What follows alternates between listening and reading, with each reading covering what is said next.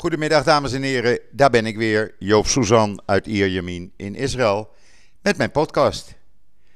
Ja, eh, eerst even het volgende. Ik kreeg net bericht van Podbean dat mijn podcast eh 50.000 keer is gedownload. Vanmorgen was de 50.000ste keer. Ja, dat is, eh, ik ben een beetje trots. Ik ben gewoon een beetje trots. Want dat betekent dat 50.000 mensen die app hebben gedownload.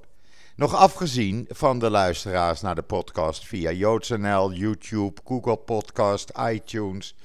eh, nou ja, noem maar op, overal waar mijn podcast te vinden is. Ja, en daar mag, eh, mag je ook best een beetje trots op zijn, toch?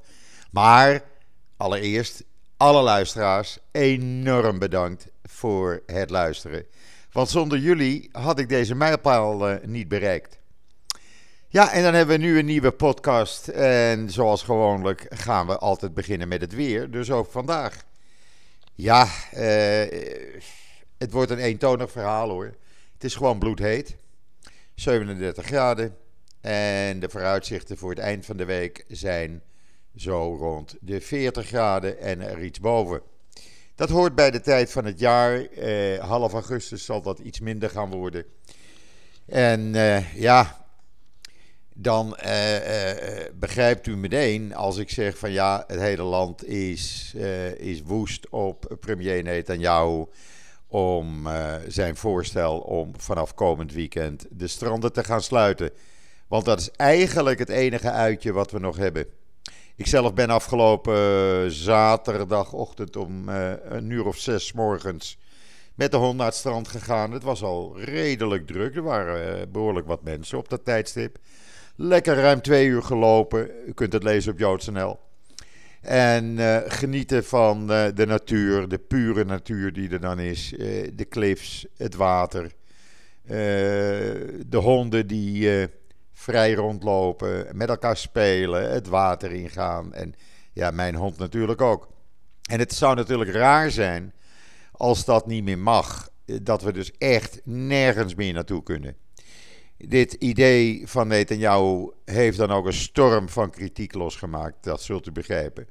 En de voorzitter van de commissie uit de Knesset, die de besluiten van eh, de regering moeten goedkeuren, had daar ook stevige kritiek op en zei van ja, dan wil ik toch eerst de cijfers zien waarop dit besluit is gebaseerd. Nou, toen kreeg ze de cijfers eh, gisteren van het ministerie van Volksgezondheid. Waaruit bleek dat 67% van alle besmettingen gebeuren juist in huizen waar Netanyahu ons in wil opsluiten. Eh, het strand wordt helemaal niet genoemd. Restaurants is maar 4%, die willen ook dicht. Maar er is ook eh, een eh, ja, kritiek op. Want de restaurants zeggen, ja, Amahula, wij gaan niet dicht, wij blijven lekker open. Dan maar een bon, maar eh, wij willen ons houden aan alle restricties die er voor ons gelden. Maar we gaan niet dicht. Laat ons in ieder geval nog een klein beetje eh, verdienen, zodat we onze vaste kosten, eh, vaste lasten kunnen betalen. Ehm, het besluit om de scholen te sluiten, waar ook niet veel besmettingen zijn, 0,14 procent. Eh, dat hebben ze zojuist meegedeeld dat dat voorlopig wordt uitgesteld. Uh, ja, het, zijn, uh, het is chaos. Het is chaos. Wat blijkt nu net, u kunt het op JoodsNL trouwens lezen, want we hebben het er net opgezet. Er is in de afgelopen 24 uur, dat wil zeggen tussen zondagmorgen 11 uur en zon, of 10 uur en zon, maandagochtend 10 uur, vandaag dus, zijn er in die 24 uur nog geen duizend besmettingen geweest. Dat is voor het eerst in weken dat we beneden de duizend besmettingen in 24 uur zitten. En hoe komt dat dan? Dat komt omdat er twee weken geleden beperkingen zijn afgekondigd. Zo mogen de groepen buiten niet groter zijn dan 20 personen en in huis mag je met niet meer dan 10 personen zijn. En dat werkt. Iedereen heeft ook tegen Netanyahu gezegd: wacht nog even, laten we eerst even twee weken afwachten en kijken hoe dan de cijfers zijn. Nou, het blijkt te werken. Uh, en om dan de stranden te gaan afsluiten, ik ben daar persoonlijk enorm kwaad over. Want nogmaals, als ik op het strand loop, daar is wind, je gaat wat zwemmen. Uh, mensen zitten niet bij elkaar. De mensen die bij elkaar zitten behoren tot één familie. En voor de rest houdt iedereen zich toch min of meer aan de regels die er gelden voor afstand, sociale afstand en eventueel een mondkapje dragen. Ik denk dat we op die manier de zaak redelijk onder controle weer kunnen krijgen. En hoe kan het dan dat we de zaak niet onder controle kregen? Hoe kan het dan dat er twee, drie weken geleden opeens zo'n uitbraak was? Nou, daar heeft een uh, onderzoeksjournalist van de Times of Israel, ik heb het gisteren ook geretweet, die heeft daar een onderzoek naar gedaan. En wat is de conclusie van zijn onderzoek? Eigenlijk een, uh, een paar keer. Kijk, het was zo, Israël had in de eerste golf, maart, meteen de juiste uh, maatregelen genomen. Het land ging op lockdown, grenzen werden gesloten, iedereen zat uh, de hele tijd opgesloten in huis. Je mocht maar 100 meter van je huis, tenzij je een hondje had. stranden waren dicht, et cetera, et cetera. Alles was dicht. Dat werkte. Toen zaten we eind mei rond de 20 besmettingen per dag. Op een gegeven ogenblik namen die besmettingen toe. Hoe kwam dat? Dat was op hetzelfde moment dat Netanyahu bezig was om met drie dingen. Hij was bezig en gefocust op een annexatie van uh, gebieden in uh, de Westbank, Judea, Samaria. Want hij wil de geschiedenis ingaan uh, met een soort erfenis, dat die toch genoemd wordt. En dat zou dan de annexatie moesten zijn, moeten zijn. Hij was bezig met zijn strafproces, daar kom ik zo meteen op terug, wat gisteren uh, opnieuw werd voortgezet. En hij was bezig en gefocust op het verkrijgen van 10 miljoen shekel belasting uh, teruggave voor privéuitgaven. Hij is dus de eerste premier geweest in de geschiedenis van de staat Israël die het gelukt is om belasting terug te krijgen. Hij was dus helemaal niet gefocust op wat er met het virus gebeurde. En doordat hij niet gefocust was, volgens diezelfde onderzoeksjournalist, en die, draagt, die staaft dat met allerlei bewijzen, ja, ontging het uh, aan zijn aandacht dat er op een gegeven ogenblik meer en meer besmettingen waren. En we binnen de kortste keren op ruim duizend besmettingen zaten. En zelfs uh, eind verleden week, donderdag, richting 2000 gingen. En toen raakte hij in paniek. En toen kreeg je dus allerlei, uh, allerlei ja, reacties van mensen. Ja, dus wat is er gebeurd? Uh, er werd helemaal geen aandacht meer besteed aan wat er werd gezegd door de zogenaamde bureaucraten. En ja, de hond. Sorry, de hond hoorde iemand in de gang lopen. Ja, en dan gaat hij even blaffen. Maar goed, wat ik dus zei, er werd helemaal geen aandacht besteed aan wat, zoals hij het noemt, de bureaucraten adviseerden. En uh, toen uh, Netanyahu eindelijk doorhad van wat er aan de hand was, was het al te laat. Volgens dit uitgebreide onderzoek. En toen zaten we dus ja, in no time tegen de 2000 besmettingen per dag. Op dit moment liggen er uh, zo'n 650 mensen in het ziekenhuis, waarvan ruim 200 in ernstige toestand en 70 daarvan zitten aan de beademing. ja, dus ik hoop, op, ook op basis van deze cijfers natuurlijk, dat de stranden gewoon open blijven. We hebben al genoeg beperkingen. Eh, restaurants, ik ga er toch niet naartoe, maar van mij mogen ze open blijven. Als mensen op een terrasje willen zitten, kan dat dan. Iedereen houdt voldoende afstand. En als u op joods.nl kijkt, daar staat een artikel vandaag waarin uh, een paar sta statistieken staan, lijstjes waarop u precies kunt zien waar de meeste besmettingen nou voorkomen. Het blijkt ook dat uh, bijvoorbeeld in religieuze instellingen, waaronder de yeshivas, behoorlijk wat, uh, en dat is geen verrassing, behoorlijk wat besmettingen voorkomen. En dat zijn natuurlijk uh, zaken die ernstig in de gaten moeten worden gehouden. En waarom wou Netanyahu nou de stranden sluiten? Nou, daar is men inmiddels ook achter gekomen. Het blijkt dat hij de yeshivas wilde sluiten. Waarop uh, de religieuze partijen in zijn uh, coalitieregering, om het zo maar even te noemen, zeiden van, hou, wacht even. dan zal je eerst de stranden moeten sluiten waar mensen op de Shabbat naartoe gaan. Anders houden wij de yeshivas open. Ja, kijk, dat is natuurlijk direct uh, blackmail. Mag ik het zo noemen? Ja, dat mag ik zo noemen. Ik vind dat blackmail en zo werkt het niet in de politiek. Althans, naar mijn idee. In ieder geval, dat was de gedachte achter het sluiten van de stranden. Eh, vrijdag trouwens, of donderdagavond al, is er trouwens nog iets gebeurd. Want er werd eh, door assistenten van Netanyahu aangekondigd dat er mogelijk een lockdown zit aan te komen voor de weekenden. En wat gebeurde er? Dat honderden Israëli's hun hotelreserveringen voor het afgelopen weekend hebben geannuleerd. In paniek. Want die dachten: wacht even, een lockdown, dan kan ik ook niet naar mijn hotel toe. En als ik daar zit, kan ik niet weg op zaterdagmorgen, want die lockdown zou duren tot zondagmorgen 5 uur. Dus ook dat is een enorme strop waarvoor die hotels die het toch al moeilijk hebben, niet uh, een vergoeding ontvangen van de overheid. En dat zijn natuurlijk zaken waardoor mensen kwaaier en kwaaier worden. Uh, afgelopen uh, woensdag kondigde Netanyahu aan, ik heb dat afgelopen donderdag ook aan u verteld, dat er dus 6 miljard shekel onder de bevolking zou worden gedistribueerd. Iedereen krijgt dan 750 shekel. Gezinnen met drie kinderen en meer 3000 shekel.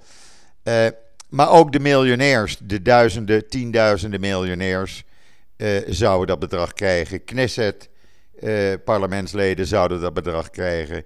Mensen met een inkomen van tussen de 20.000 en 40.000 of zelfs hoger shekel per maand zouden dat bedrag krijgen.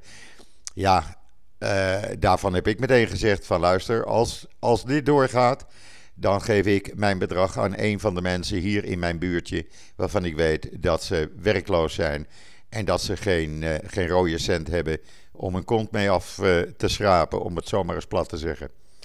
En wat blijkt, een uh, programma op Channel 13 heeft toen gezegd: Weet je wat, wij gaan een, een soort actie starten via de crowdfunding site GiveBack.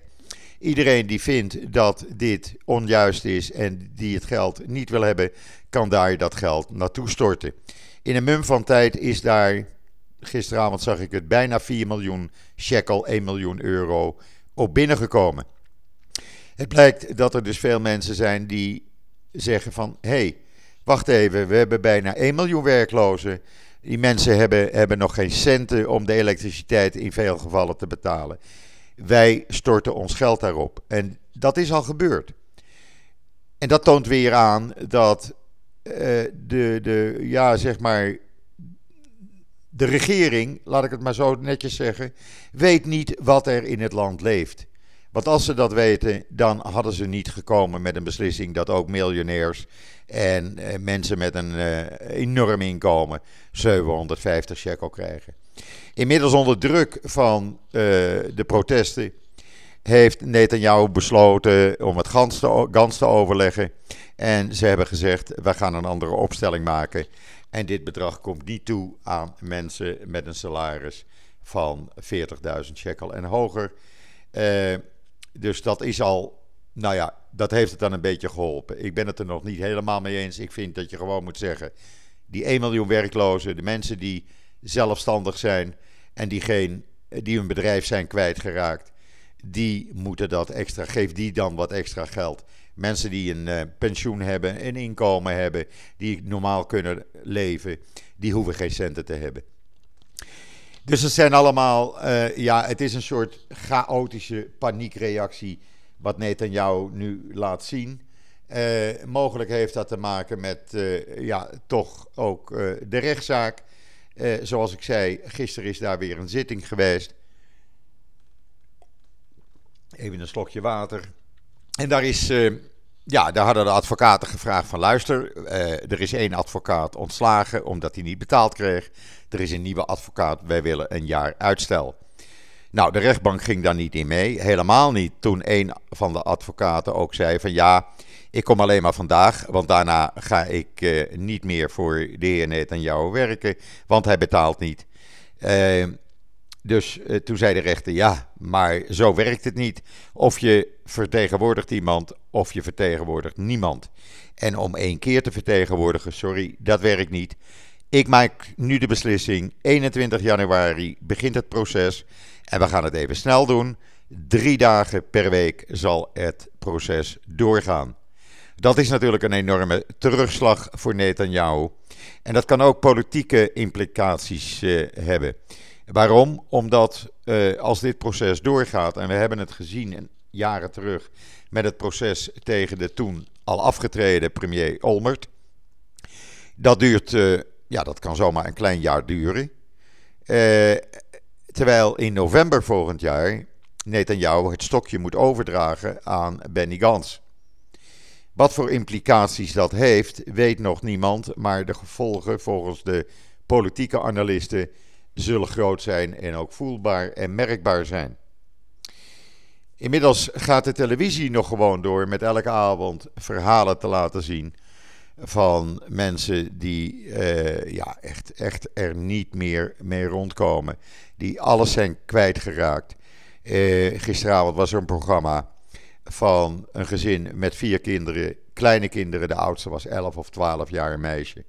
En dat meisje uh, ging ja, liet zien uh, dat zij uh, de elektriciteit, als haar ouders de deur uit zijn, afsluit. Geen airconditioning dus in dat huis. Moet u nagaan met temperaturen van 37 graden. Omdat ze wil dat, uh, ja, dat haar ouders een lage elektriciteitsrekening krijgen. Nou, ik kan u zeggen, dan schieten de tranen je in de ogen als je dat ziet. En dat kind dat regelt dus alles. Haar ouders proberen allerlei baantjes te vinden en zijn daar de hele dag mee zoet. En dat kind zorgt dus voor haar drie broertjes en zusjes. En dat zijn trieste verhalen, echt waar. Uh, ja, dan, dan, dan breek je hart. Uh, maar dat schijnt uh, bij de regering allemaal niet door te dringen. Die doen net alsof er niks aan de hand is. En doordat ze op deze manier werken. En dan kunt u zeggen: ja, waarom kom je nou met kritiek? Nou, omdat het gewoon zo is op dit moment. Er is vanmorgen een staking begonnen van al het verplegend personeel in Israël. Moet u nagaan. In het midden van de tweede virusgolf. Want, zeggen zij, wij zijn al jaren, jaren bezig om meer medisch personeel te krijgen. Dat wordt niet betaald door de regering, die wil daar niet aan meewerken. We hebben een tekort van ruim duizend verplegend personeel. We werken onze slag in de ronde, helemaal met de coronacrisis. We hebben geen vrije dagen. We werken dagen van 12 tot 16 uur per dag. Er zijn collega's die ziek zijn. Daar is geen vervanging voor. We draaien dubbele diensten. Wij zijn aan het eind van ons Latijn. Ze hebben weken geprobeerd te onderhandelen met de minister van Financiën, Katz, een, eh, een, een, een vriendje van eh, Netanyahu en een van zijn steunpilaren. En meneer Katz weigert om geld beschikbaar te stellen. Dat betekent dat er vanmorgen dus een staking is begonnen. Niet dat men zegt van oké, we gaan uh, de coronaviruspatiënten, de ruim 600 die in de ziekenhuizen liggen, daar de dupe van maken. Die krijgen de verzorging die ze moeten hebben. Maar andere patiënten, ja, die zullen eventjes uh, met minder af moeten. Het is helaas niet anders, zegt men. Ik ga kijken of ik daar straks nog een artikeltje aan kan wijden om u wat meer uitleg te geven. Maar dit is een situatie waarvan ik zeg: ja, sorry. In een, uh, in een modern westers ontwikkeld land als Israël. Uh, in plaats van 6 miljard te verdelen, ook onder rijke mensen, geef dan een gedeelte van die 6 miljard naar de verplegend personeel. Geef ze een salarisverhoging. Uh, zorg dat er duizend extra verplegers worden aangenomen. Er zijn mogelijkheden. Hoe dan? Nou, heel simpel. Er zijn bijna afgestudeerde verplegend uh, personeel. Die kunnen ingezet worden, maar die moeten wel betaald worden. Die kan je niet voor niks laten werken. Er staan er 1500 die bereid zijn en gezegd hebben: wij willen uh, onze studie onderbreken om nu te gaan helpen. Daar wordt niet op ingegaan. Hetzelfde geldt voor de sociaal werkers. De sociaal werkers zijn al drie weken in staking. Want die zeggen: luister, wij hebben een enorme werkdruk. Er zijn honderden sociaal werkers tekort. We kunnen het werk niet aan. We worden onderbetaald. Ze verdienen iets meer dan het uh, minimumsalaris. Ja, dat kan gewoon niet. En ik geef die mensen ook groot gelijk. En dat toont maar een beetje aan waarom de uh, demonstraties die hier in Israël plaatsvinden zo groot zijn. Zoals afgelopen zaterdagavond weer hier in Tel Aviv een demonstratie van uh, de, de zelfstandigen, de werklozen, studenten, iedereen die zonder baan is komen te zitten. Uh, men demonstreert, men, men wil gewoon een verandering. En er waren toch weer zo'n 10, 12.000 mensen op de been. Daarnaast, kunt dat ook op joods.nl natuurlijk allemaal nalezen, wat ik u nu vertel. Daarnaast is de dagelijkse demonstratie voor het huis, de residentie van Netanyahu, die gaat gewoon door. Eh, afgelopen zaterdagavond was daar ook weer een enorme lawaai-demonstratie.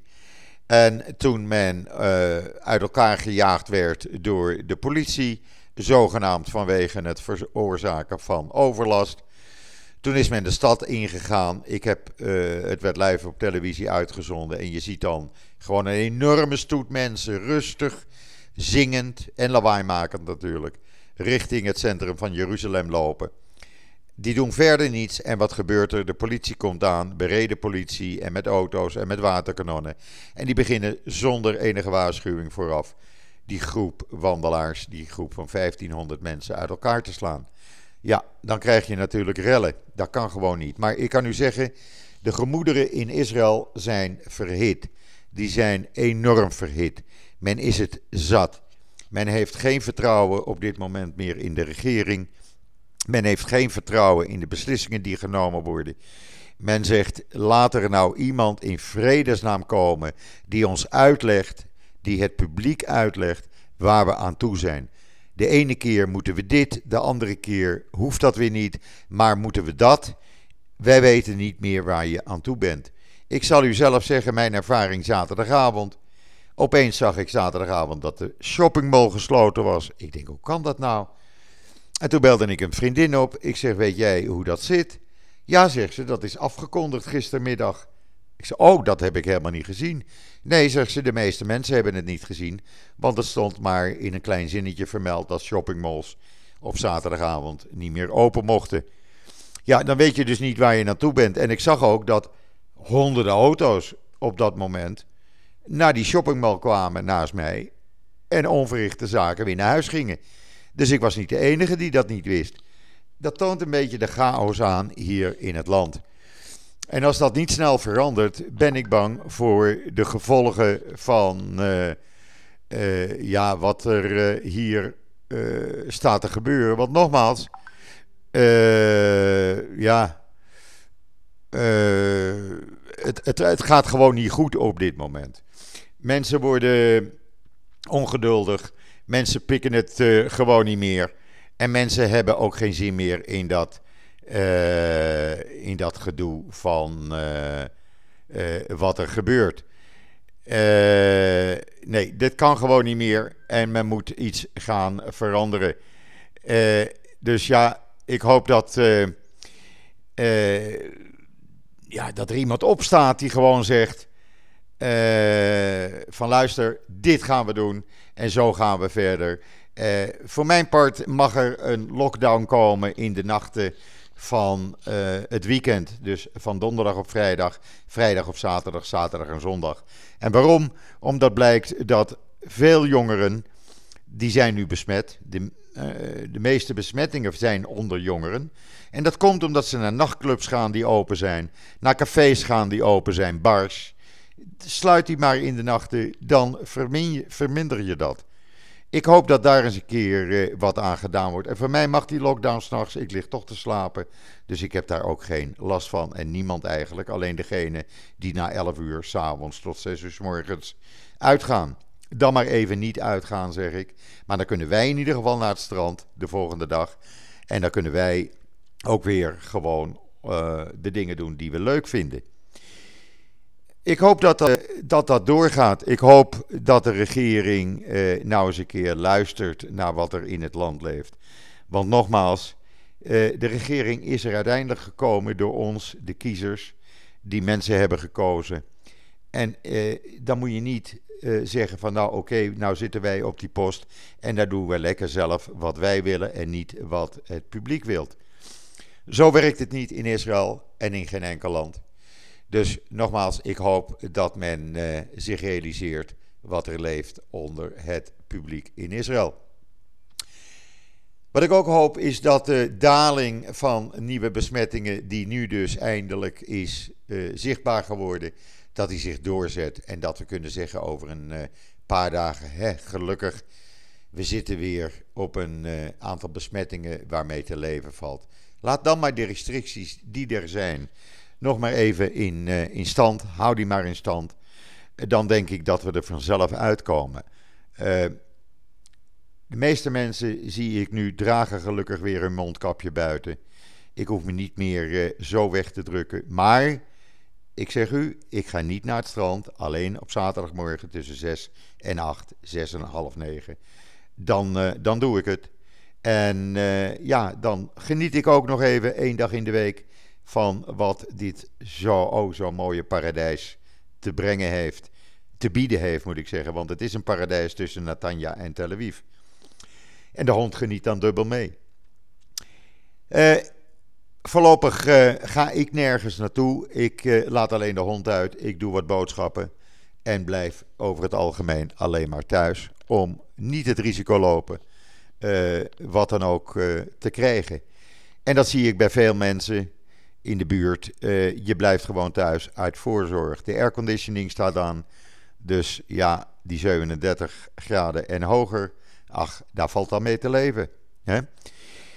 Nou, dat was het dan weer voor vandaag. Dacht ik zo. Ik dacht dat het wel uh, jeumig. Ik heb een half uur zomaar vol zitten praten. Dat is toch wel sneller gegaan dan ik dacht. Uh, donderdag heb ik een leuke podcast, daar verheug ik me al op. Mijn vriendin Esther Voet komt uh, donderdag in de podcast. En met Esther ga ik weer over allerlei onderwerpen praten die, ja, waar wij in geïnteresseerd zijn, waar u in geïnteresseerd bent vooral. En hoort u natuurlijk ook weer het laatste nieuws over wat er in Israël met, aan de hand is. zowel met de regering als de demonstraties, als ook het coronavirus. Ik hoop dat we morgen weer op JoodsNL kunnen melden. Hè, we zitten nou maar op 700 besmettingen en dat dat zo door blijft gaan naar beneden. Dat zou alleen maar goed zijn. Ik hoop ook dat de verplegers, het verplegend personeel, gauw uh, tegemoet gekomen wordt, zodat ze niet meer hoeven te staken en hun aandacht aan de patiënten kunnen geven. Uh, ik heb enorme waardering voor ze. Ik heb ze zes maanden meegemaakt. U weet dat twee jaar geleden, toen mijn partner uh, in het ziekenhuis lag, waarna ze overleed in september. En uh, ik weet met hoeveel, met hoeveel emotie, met hoeveel devotie het verplegend personeel voor de patiënten zorgt. je, je wordt eerder als familielid beschouwd als zomaar een patiënt met een nummer. En dat, ja, dat, doet, dat deed ons als familie erg goed. En daarom gun ik deze verplegers en verpleegsters echt alles wat ze vragen. Want nogmaals, ik heb een enorm respect voor deze mensen gekregen. Ja, dat was het dan voor vandaag. Ik, eh, nogmaals, enorm bedankt allemaal dat jullie geholpen hebben met jullie allen dat ik 50.000 downloads van mijn podcast heb kunnen bereiken. We gaan nu op weg met ons allen naar de 100.000. Dat wordt nog mooier natuurlijk. Want ja, waar doe ik het voor? Ik doe het voor u. Ik wil u gewoon vertellen hoe ik leef en wat er leeft hier in Israël en hoe het dagelijks leven eruit ziet. Want dat is wat ik doe en dat is wat ik blijf doen. Ik maak het niet mooier, ik maak het niet erger. Het is zoals het is, zeg ik altijd.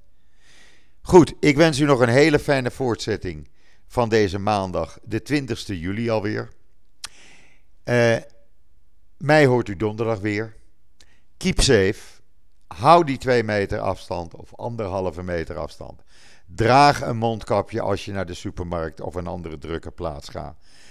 Doe het gewoon. Bescherm jezelf. Want nogmaals, het virus is er wel, maar je ziet het niet, je voelt het niet, je ruikt het niet. Maar het is oh zo bloedlink. Wat mij betreft, tot ziens. Tot donderdag.